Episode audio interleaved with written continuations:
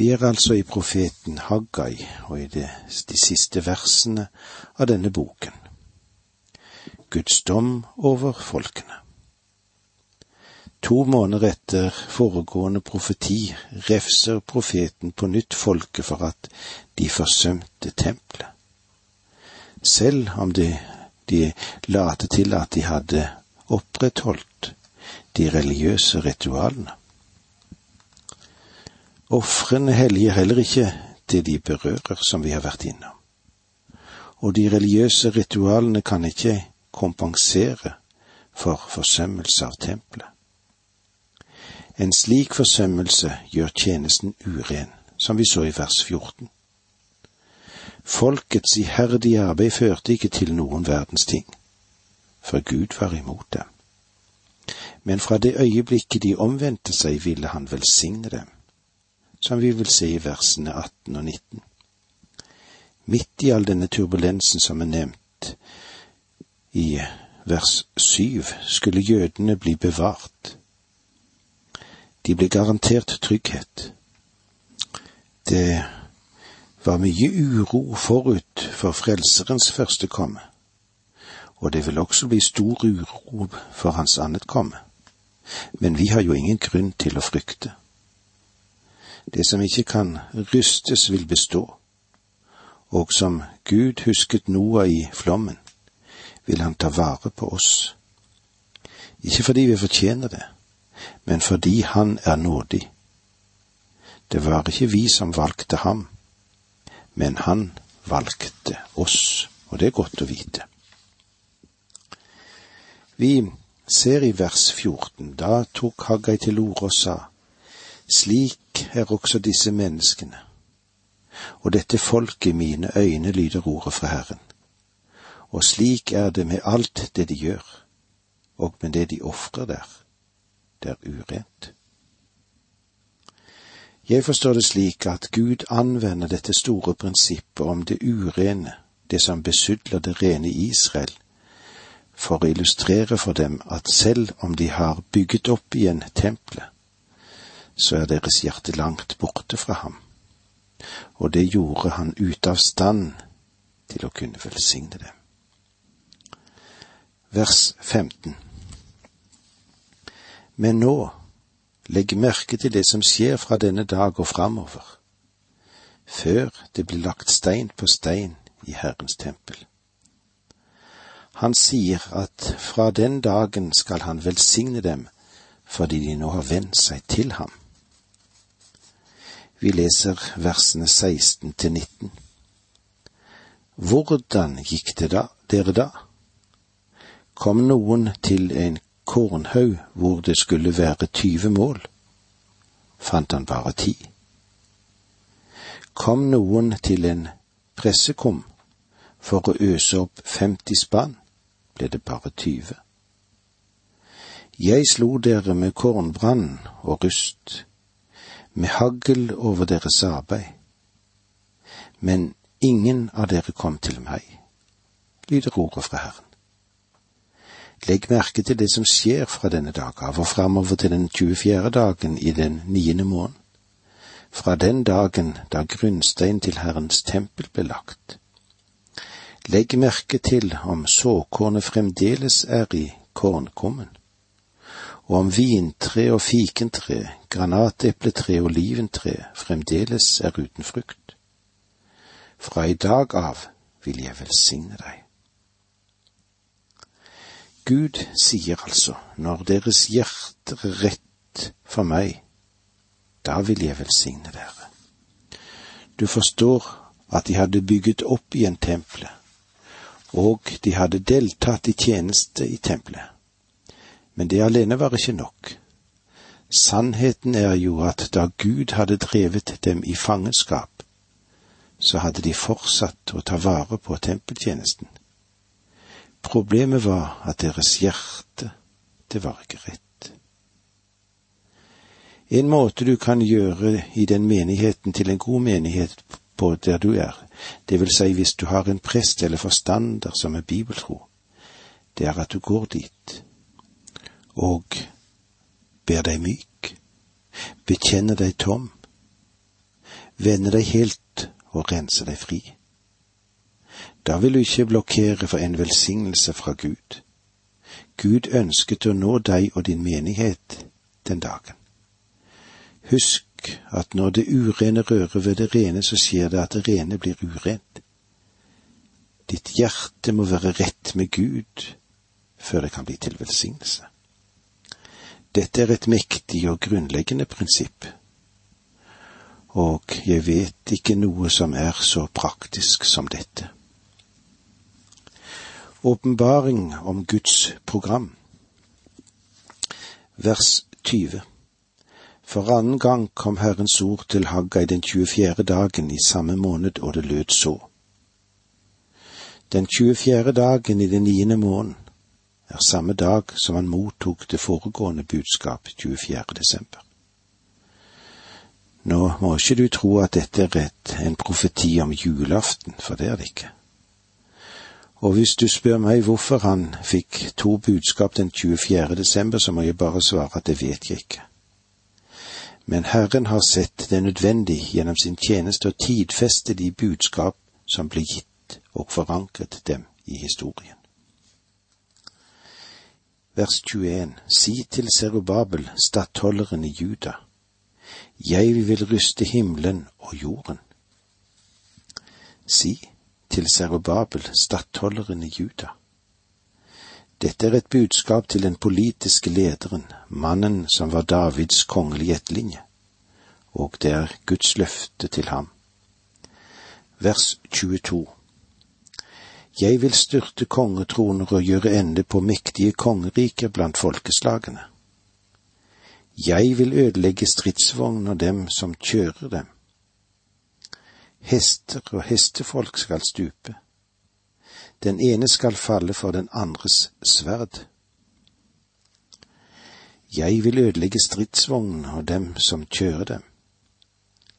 Når Gud sier at han vil ryste himmelen og jorden og ville styrte kongetroner, så taler han om den store trengselstid, som han gjorde i versen seks og syv i dette kapitlet.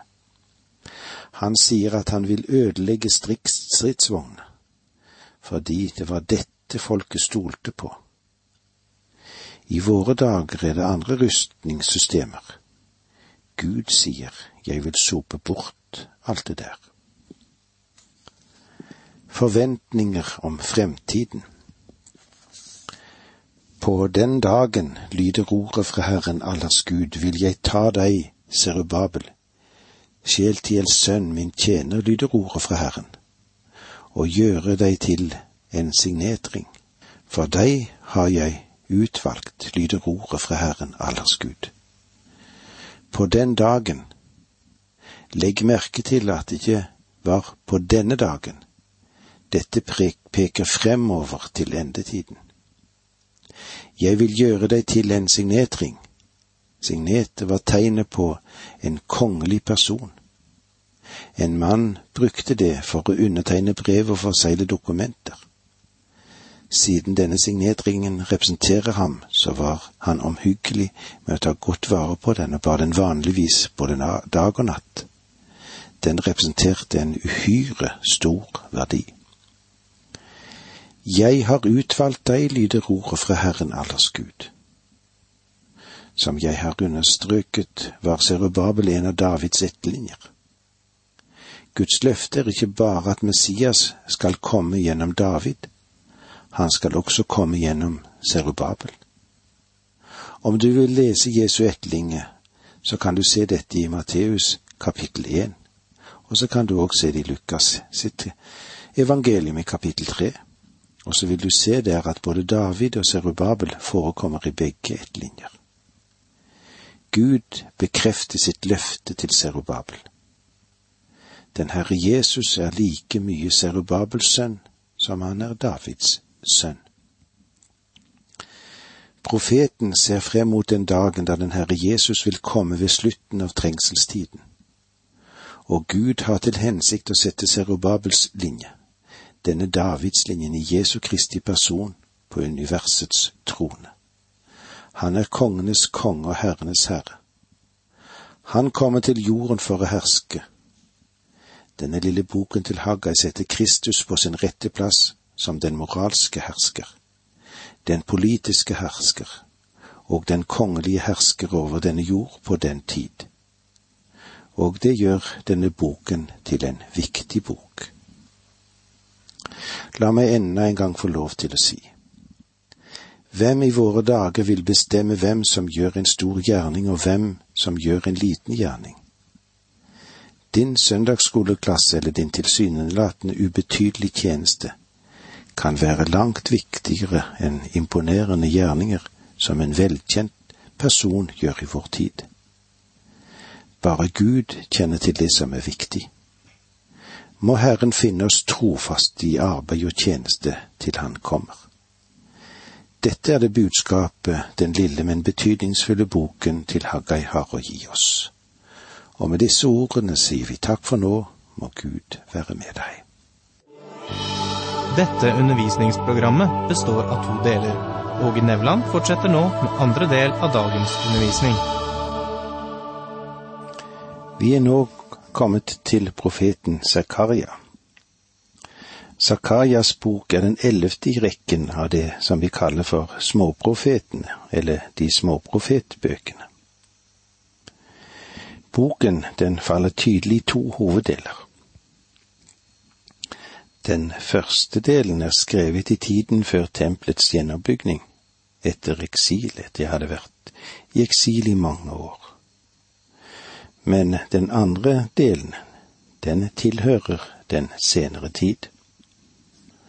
Profeten Zakaria, han var samtidig med profeten Haggai, og begge nevnes som hovedmenn når det gjaldt å få folket til igjen å ta fatt på reisningen av Herrens tempel. Arbeidet hadde ligget nede i flere år. Det kan vi se i Esra-boken, i det femte kapitlet, og i det første verset der, og i det sjette kapitlet, vers 14 og det leser vi sammen. Profeten Haggai og profeten Zakaria, sønnesønn til Iddo, talte til jødene Judea og Jerusalem. I Israels Guds navn talte de til dem. Og så det fjortende verset, da, i kapittel seks. Jødenes eldste fortsatte å bygge og hadde god framgang mens profeten Haggai og Zakaria, sønnesønn til Iddo, satte mot i dem med profetordene sine.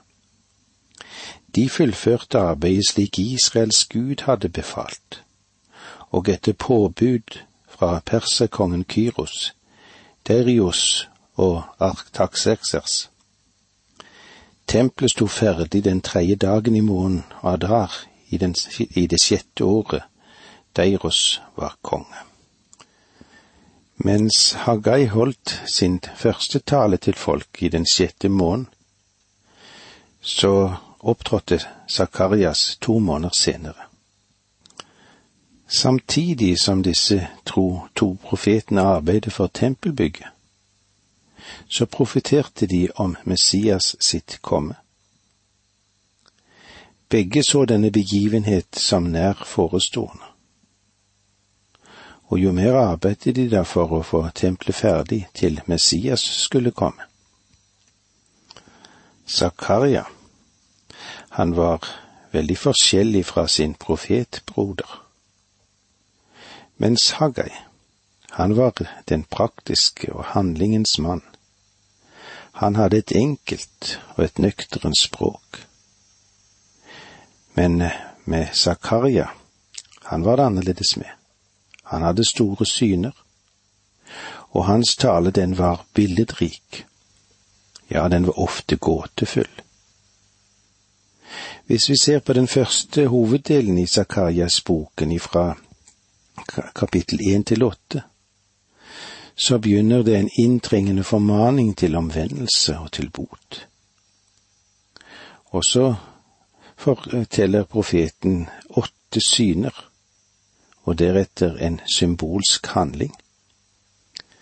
Kroningen av ypperste presten Josva. Og så til slutt da i dette området, så får vi en tale om fasten. Som svar på spørsmålet fra Betels innbyggere, og så endelig en forsikring om at Herren igjen vil ta seg av sitt utvalgte folk. I det hele går Herrens nidkjær for Jerusalem og Sion som en rød tråd gjennom denne delen av boken. Det kan vi se i det første kapitlet og vers 14. Og vi tar òg med det første verset i det åttende kapitlet. Engelen ta, som talte til meg, sa rop ut disse ord. Så sier Herren Allers Gud, jeg er nidkjær. Jeg er full av brennende iver for Jerusalem og Sion. Og så har vi da det første verset i kapittel åtte. Da kom ordet fra Herren, Allers Gud, og det lød så. Så sier Herren Allers Gud, jeg er full av brennende iver for, for Sion. Jeg brenner for den med stor harme. Den eh, andre store hoveddelen er ifra kapittel 9 til og med 14, og her inneholdes det en rekke Messias-profetier. Her finner vi Messiaskongen fremstilt som Herrens lidende tjenere, som det står i kapittel 9, vers 9. Rop høyt av glede, Sions datter Bryt, bryt ut i jubel, Jerusalem. Se din konge komme til deg, rettferdig er han, og seier er gitt ham. Ydmyk er han og rir på et esel, på den unge eselfolen. Og det taler òg om paktsblodet, som vi ser i det ellevte verset i det samme kapitlet, hvor det står Herren skal stride for sitt folk. Ja, for ditt paktsblods skyld vil jeg la dine fanger slippe ut av brønnen, som det, det ikke er vann i. Om hyrden som blir slått, og om fårene som blir adspredt, som vi ser i kapittel 13, vers 7. Sverd, våkn opp mot min hyrde mot mannen som står med nær, lyder ordet fra Herren Allers Gud. Slå hyrden så sauene spredes. Mot de minste vil jeg løfte min hånd.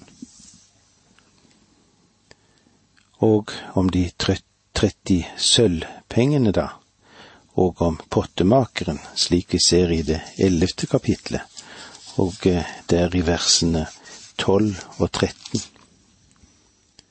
Jeg sa til dem, Hvis dere så synes gi meg da min lønn, hvis ikke, så la det være. Da veide de opp min lønn, 30 sølvstykker. Men Herren sa til meg, Kast pengene til smelteren. Den herlige sum som de har verdsatt meg til og jeg tok de 30, 30 sølvstykkene og kastet dem inn i Herrens hus til smelteren. Ja, han gir ennå et glimt av den korsfestede som hans folk skal skue opp til, og det ser vi i det tolvte kapitlet, vers ti. Men over Davids hus og over innbyggerne i Jerusalem utøser jeg nådens og bønnens ånd. Da skal de se på meg, på ham som de har gjennomboret, sørge over ham like som en sørger over sin eneste sønn, og klage bittert over ham like som en holder klage over den førstefødte. Profeten ser altså den lidelsesvei som Guds folk har å gå før de når frem til den herlige endetid.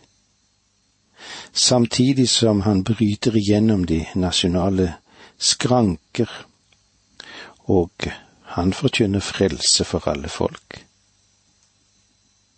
Det utvalgte folk skal gå opp i et åndelig Israel, som skal utgjøre den nye Guds menighet.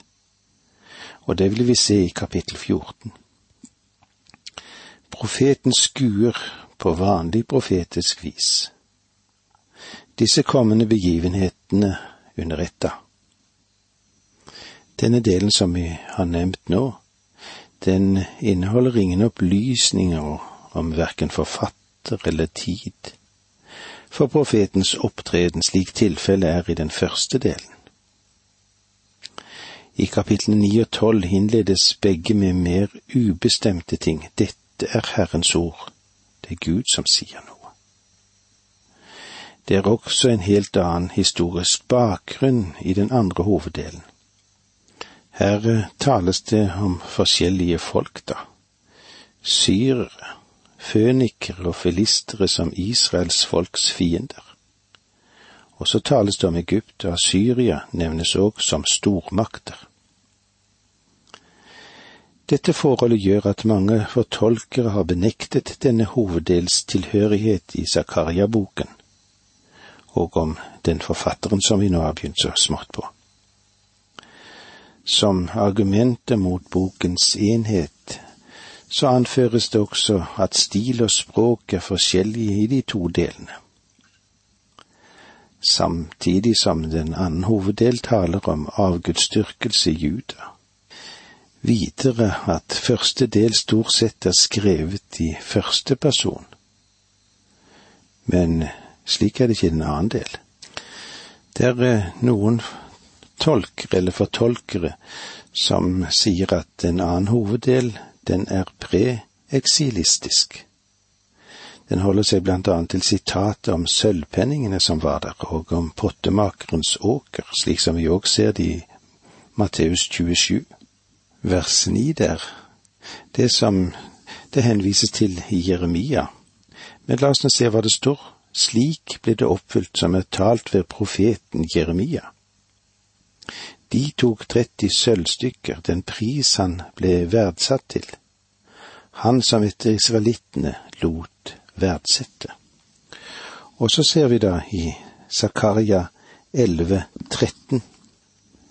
Men Herren sa til meg, kast pengene til smelteren, den herlige sum som de har verdsett meg til og jeg tok de tretti sølvstykkene og kastet dem inn i Herrens hus til smelteren.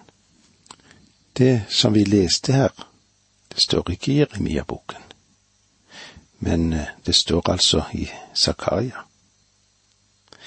Og det er da noen som antar at Jeremia han har vært forfatteren til disse kapitlene. Det er ting som vi vil komme tilbake til etter hvert som vi går frem i Zakaria-boken. Det var så langt vi kom i dag. Takk for nå, må Gud være med deg.